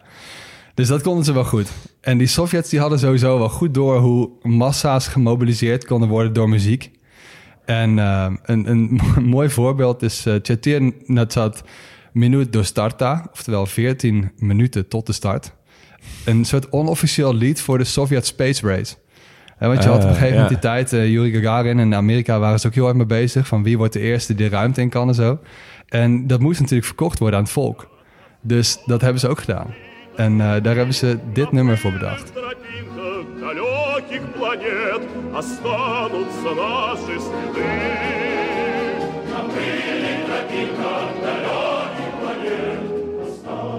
Ja, Is dit, is ook gezongen door het koor van het Rode Leger? Een van de koren. Misschien wel. Nou, ik moet een beetje vals spelen, want zowel eh componist als tekstschrijver zijn niet in Mo- Moskou geboren, maar ze zijn wel gestorven. en het is wel mooi, die tekst van het refrein is ook eh, nou ja, vrij vertaald. Uh, I believe, friends, that caravans of rockets will rush us forward from star to star. On the dusty paths of our distant planets, our footprints will remain. Ja, maar dat, soort, dat, soort, eh, dat soort teksten. Ik vind krijgen dus altijd, als ik Russische muziek hoor, of Russische films kijk, of Russisch hoor überhaupt, dan valt het me altijd op hoe zacht die taal eigenlijk is. Ja, maar Russisch is ook echt een briljante taal. Het is echt een fantastische taal. Ja, Max, jij en ik hebben ooit op een blauwe maandag nog eh, twee cursussen Russisch gevolgd, omdat we de Trans-Mongolia Express wilden doen. Ja, en Hugo weet er ook wel het een en ander van weet ook het een en ander van. Maar Ja. dus ik, en wat ik altijd met Russisch heb, is dat het eh, in je hoofd of zo, als je denkt aan Russisch, denk je net een beetje als het Duits, denk je harde taal. Maar als je het dan vaak hoort, heb ik hoor, maar als je het dan hoort, dus denk ik altijd, ook nu met het nummer wat jij net liet horen, Ja. weinig echt harde klanken, heel zangerig. Heel zachte klanken. Heel ja, zacht. En Ja. zeg maar, het is dat, dat is het enige wat echt hard is. Ja. Het zegt genoeg dat een, dat een B vaak een V wordt. Ja, eigenlijk wel, ja. Wat zielig. Ja, goed punt. Oké, dan gaan we naar, naar de moderne tijd. Eh quizje. Titel, artiest, jaartal. All the things she said, tattoo. 2002, 2003? 2004? 2002, lekker. Lekker. Ah. yes. Oké, luisteraar, ik breek heel even in, want eh, ik laat jullie natuurlijk een stukje horen van het refrein. Ik zette de YouTube-video aan vanaf het begin en de YouTube-videootje begint met regen. En toen En wisten wij het tijdens al. de eh, regen, voordat de eerste tonen inzetten, wist Hugo al dat het dit nummer was. Dus eh, jullie hebben goed gedaan.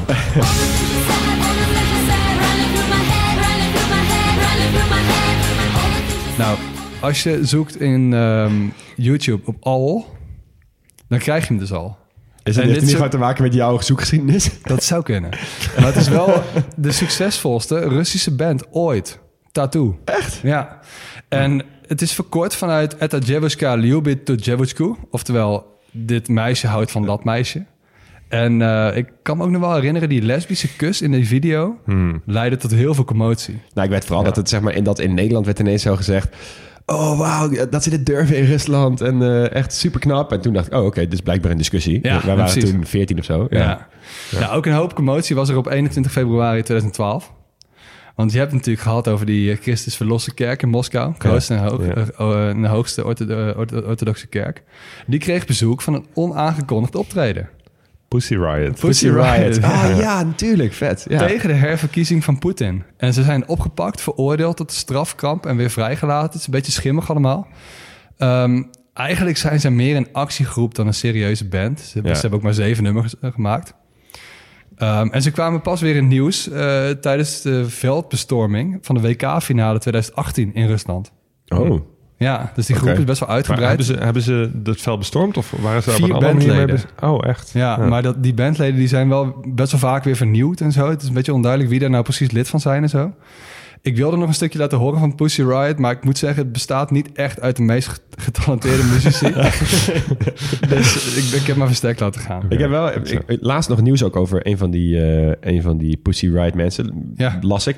Dat zij tijdens het begin van de oorlog eh, Rusland is ontvlucht door zich te vermommen als maaltijdbezorger. Ja, dat heb ik ook gelezen. Hoe vet is dat? Ja, dat is best wel vet, ja. Maar wat, wat zeg je dan? Ik moet een maaltijd bezorgen in Polen. Ja, dat is, ja, dat is het eerste wat ik ook dacht. Ja. Ik moet borst brengen naar, naar Belarus. Ja, nou ja, dit- ik hoop dat het goed met ze gaat. Verder, nu even twee nummers die niet uit Moskou komen, maar er wel over gaan.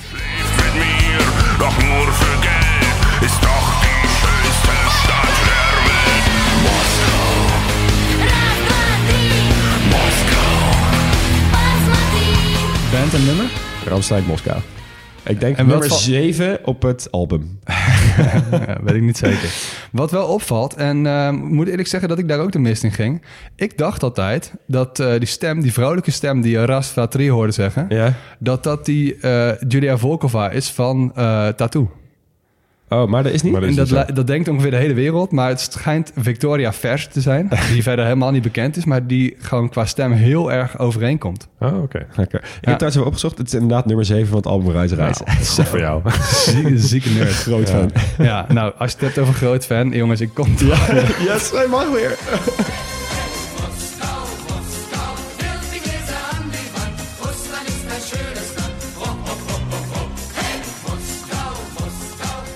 Genghis Khan, Moskou, 1979. Tuurlijk. En ik was een beetje verdrietig, want het is misschien ook wel de laatste keer in een hele lange tijd dat we hem kunnen laten horen. Ja, want we hebben nu Mongolië gehad, gehad. Duitsland gehad We en hebben Moskou Ha- gehad. En Haaland bij Noorwegen. Die Ja, had ook op een gegeven moment houdt het wel op. Ja. Nou, Nou, snel door naar de keuken. Want eh, zoals je Moskou misschien ook wel kan indelen in oud Moskou en het schreeuwige Moskou van het nieuwe geld, kun je dat met de keuken misschien ook wel doen.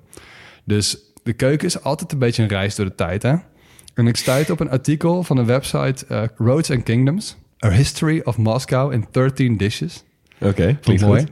Eigenlijk alle fases van buitenlandse invloed. Dus echt van, van die bakstenen van roggebrood, zeg maar, tot aan plof en de Big Mac. Eh, ik heb niet de tijd gehad om die hele website uit te pluizen, maar luisteraars voel je vrij om het een keer te doen, want volgens mij staat er best wel veel Ja. interessante dingen op. zet hem even op als tipje op de website. Ja, ja. zou ik inderdaad even doen. En natuurlijk kun je anno 2022 alle keukens eh, wel eten in Moskou en duur ook. Maar als je dan toch veel geld wil uitgeven, dan is een fusion van de lokale en de wereldkeuken vind ik altijd wel de mooiste. Ja, Dat je in ieder geval nog een soort van modern Russisch hebt of zo. ja. En in dit geval is dat wel een beetje met een knipoog naar de oude Sovjet-tijd vaak.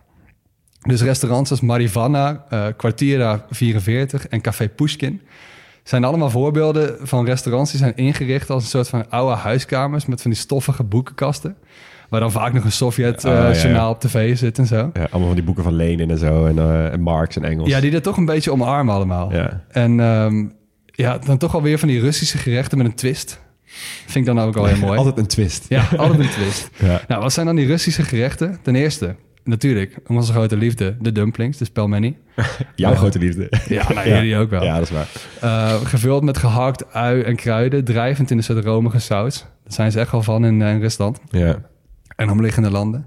Eh, ten tweede, blinis. Blini. Van die mini pannenkoekjes. Ja, Beetje ja. de Russische crepe. Ja. Maar kan wel zoet of hartig zijn.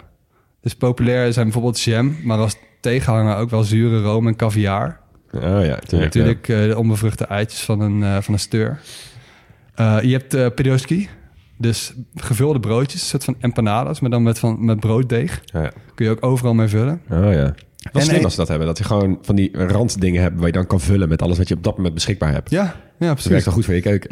Werkt inderdaad wel goed. Als je niks voor handen hebt, doe het dan maar er gewoon dat. Ja, precies. Ja. En ehm, als we toch in Bosnië hadden het natuurlijk over mooie stoofpotjes. Nou, in Rusland heb je natuurlijk de soljanka. Wat ik altijd echt een, een, een, een zalig woord vind. Ja. Soljanka. Soljanka. Eh, een dikke, stevige soep. Eigenlijk is het meer een soort van stew met of vlees of vis of paddenstoelen. Dus omwille van de tijd zal ik er even geen quizje van maken. Maar denk tomaten, ui, kool, augurken, aardappelen en natuurlijk een hele berg dillen. ja, tuurlijk. Ja. Hugo is een natuurlijke vijand. Ja. Ja, de dillen is zo maf kruid. Dat, dat gebruik je hier echt alleen maar op, op vis of zo, toch? ja. En Nou, mooi. ga, dat je- je- ga je naar Centraal-Azië of Rusland of waar dan ook. Ja. Dillen all over. Echt Maar op de echt de- meest ging- vlezige continentale gerechten. Een berg dillen. Ja, maar in jouw gemoedstoestand kun je met dillen ook wel vrij ver gaan... totdat je het echt de bond maakt. En dan heb je jou ook wel echt heel boos. Ja, ik hou best wel van dillen, maar ja, kom maar. Als je je gerecht niet meer kan zien door de dillen, dan... ja. Nou, in ieder geval eh, qua drinken is het natuurlijk vodka. Gemaakt van granen. Eh dus tarwe, gerst of rogge. Maar het kan ook van mais, aardappelen of zelfs quinoa. Oh, e- echt waar? Oké, Voor de fijnproevers. ben benieuwd. En wil je nou in Moskou echt een authentieke vodka-ervaring... en sowieso wel over heel Rusland hoor... Ga dan, zoek dan gewoon een goede banja aan de rand van de stad. Dus zo'n zo'n zo'n Russische sauna, zeg maar. Ja, ja. En laat je lekker afranselen met een paar van die berkentakken. Want dat is wel echt wat de Russische banja onderscheidt... van de Finse sauna bijvoorbeeld. Ja, Ah, ja. ja. gewoon, gewoon sauna, maar dan hardcore. Juist, ja, gewoon- precies. ja. Ja. Oké. Nou, en dan sport. Moskou is natuurlijk echt een hele grote sportstad. Maar dat vond ik eigenlijk niet het belangrijkste. Ik moest eigenlijk meteen denken aan die Spelen van 1980. Ja, oh ja, Ja. goeie. Ja. Die, die, die geboycott werden omdat Rusland eh, Afghanistan was binnengevallen. En toen de helft En van de om wereld... dat Koude eh, Oorlog. hm? En om dat Koude Oorlog. Ja, precies. Ja. Ja. 80 landen deden maar mee. Eh, en qua medaillespiegel, gedeelde derde plaats Italië, Bulgarije, Cuba. Oké. Wow. Acht, acht keer goud. Italië wel gewoon gegaan trouwens, hè? Ja, Ja, die zijn wel gewoon gegaan. Ja. Deed Nederland mee eigenlijk in 1980? Oké. Eh, nee, daarom, an- anders hadden die Golden Girls natuurlijk nooit die hockey tuurlijk, eh, finale tuurlijk. Ja, ja, ja. Cuba heeft 41 medailles gehaald erin. Best wel netjes. Ja, wow. ja, maar Cuba is ook gewoon een goed sportland, hè? Maar goed, hè? Cuba dat is 41 medailles. Even nadenken. Dan heb je de tweede plaats, Oost-Duitsland. 47 keer goud. In totaal 126 medailles. Dat Wow. is sick. Ja. En de eerste plaats is de Sovjet-Unie met 80 keer goud, 195 medailles. Wow. Zo, dat Maar is- goed. ja. Eh, behalve de VS in 1904 is dat de beste prestatie van een land ooit. Hè, dus van de Sovjet-Unie. Maar vergis je niet, bij elke spelen waarin de Sovjet-Unie meedeed, werden ze eerste of tweede. Ja. ja Echt waanzinnig. Ja. Ja. Maar ja, kijk wat we hoeveel eh, landen en hoeveel sportgeschiedenis we hebben. En bovendien, wederom, zullen we het over hebben, denk ik, in de aflevering over Rusland. Communisme zorgt ook voor dat iedereen gaat sporten. Die waren heel ambitieus, ja. Ja, en er woonden natuurlijk ook gewoon giga veel mensen. Ja, Ja, ja. veel meer dan, eh, dan nu inderdaad. Nou, in ieder geval in Moskou werd gespeeld in het Lenin-stadion. Later omgedoopt tot Luzhniki-stadion. Inmiddels thuisbasis van twee voetbalclubs. Torpedo Moskou en Spartak Moskou. Ja. En de Spartak, Spartak zit hoogstens 30.000 man. Met een capaciteit van dik 80.000.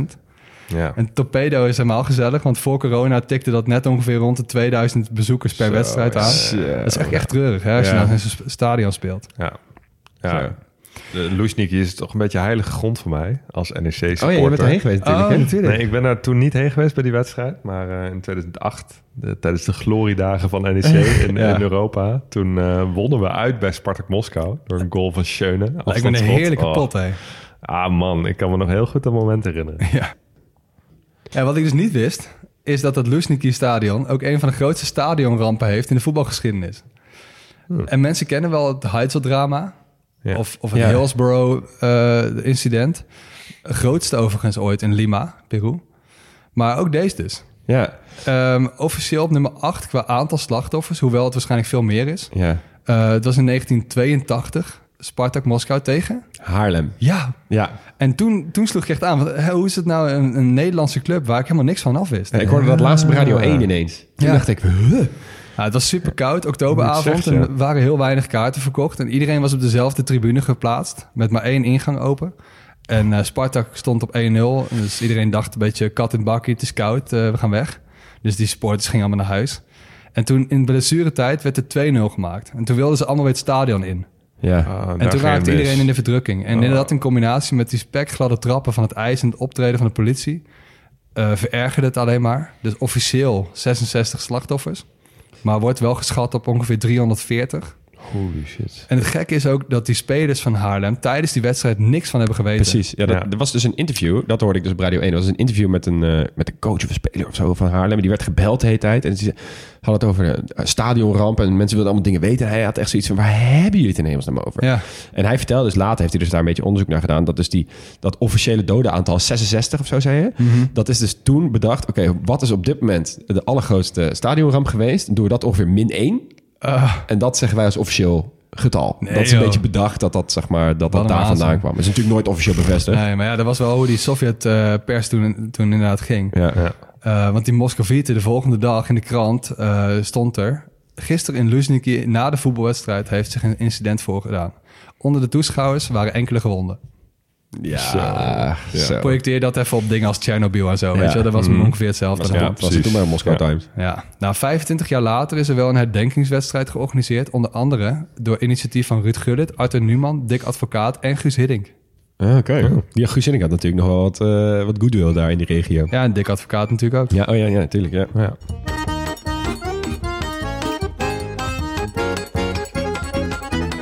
Gaan we. Wat eh, maakt eh, Moskou uniek? Nou, ehm, laat ik beginnen met dus die opofferingsgezindheid. Ja.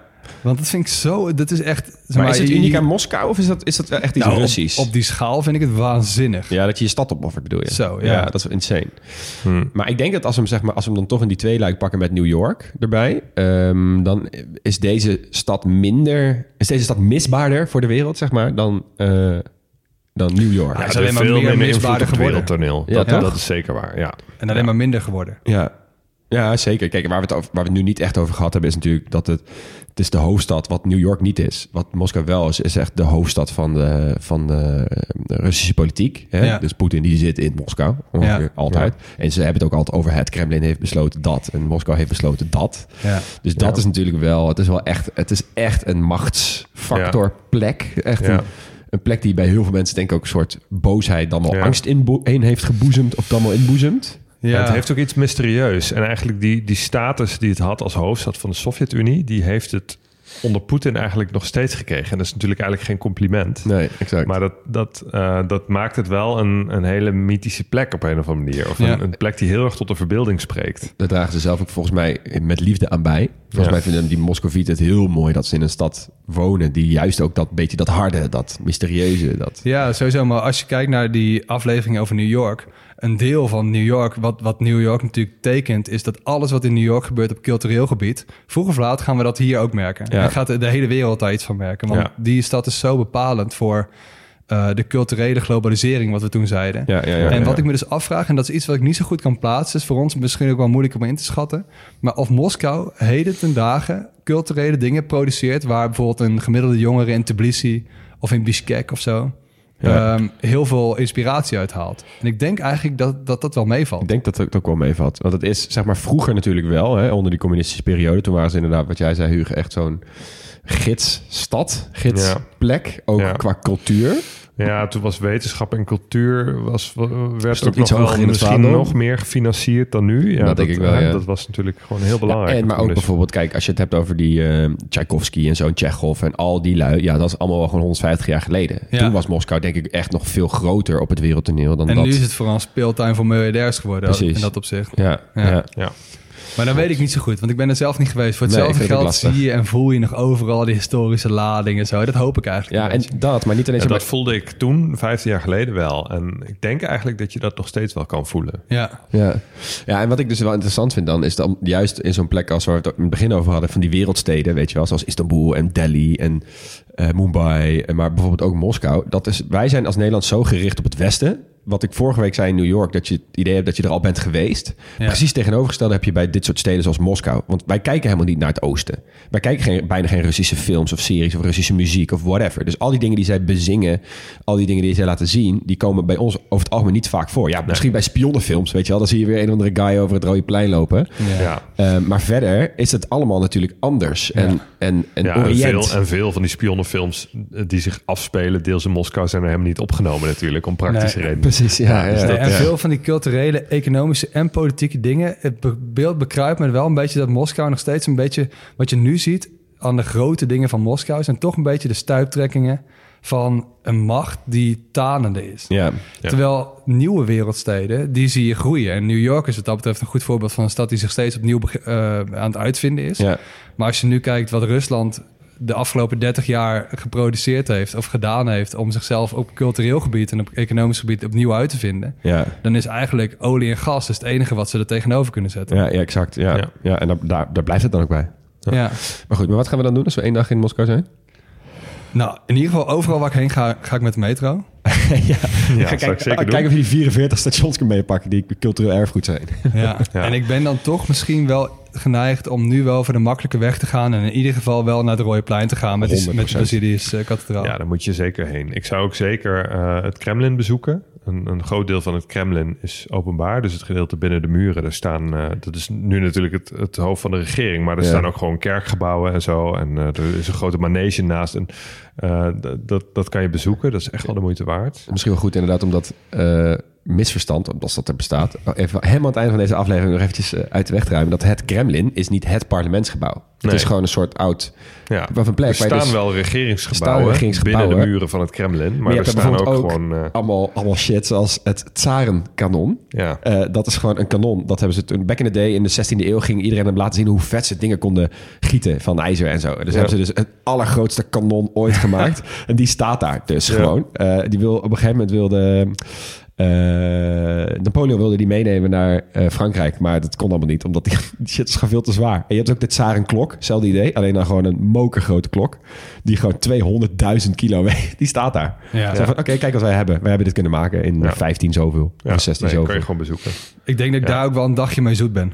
Ja, Dat denk ik ook wel, ja. Ik zou ook gewoon inderdaad weer opnieuw een stadswandeling maken. En ehm, eh, ook zeker door de Arbad lopen. Mooie wijk. Ja, Ja. hebben we het niet eens over gehad. Dat is inderdaad... we het ook niet eh, eens over gehad. Ja, je kunt nooit volledig zijn. Nee. En, eh, eh, maar dat is inderdaad zo'n zo'n mooie straat met, of, of zo'n mooie wijk met boulevards waar mensen eh, zitten te schaken onder de bomen en zo op Ja. de publieke schaaktafels. En, Moet je niet in december gaan trouwens, maar... Nee, maar ja, dat heb ik wel gedaan trouwens.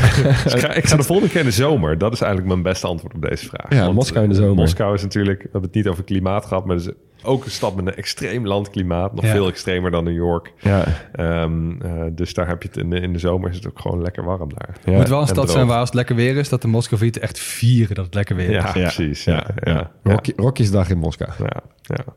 Nou jongens, heel erg bedankt voor het luisteren naar dit hoofdstuk van de kleine podcastlas. Ehm, je hoorde Leon Boelis, Max Gertsen en Hugo Noordman. En Jonas van Impe, die hoorde je niet, maar die doet wel de eindmontage. Dus toch dank aan hem.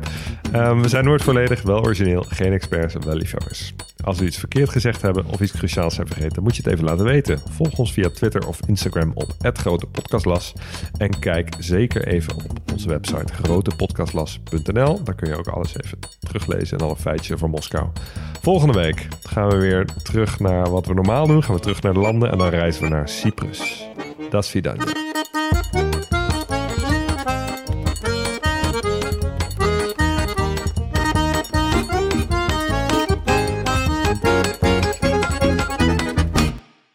Yo, luisteraar. Luister je nog steeds? Klasse man, je hebt er gewoon helemaal afgeluisterd. Nou, nu je tot hier bent gekomen, koop dan ook gelijk even ons boek hè. grotepodcastlas.nl slash boek.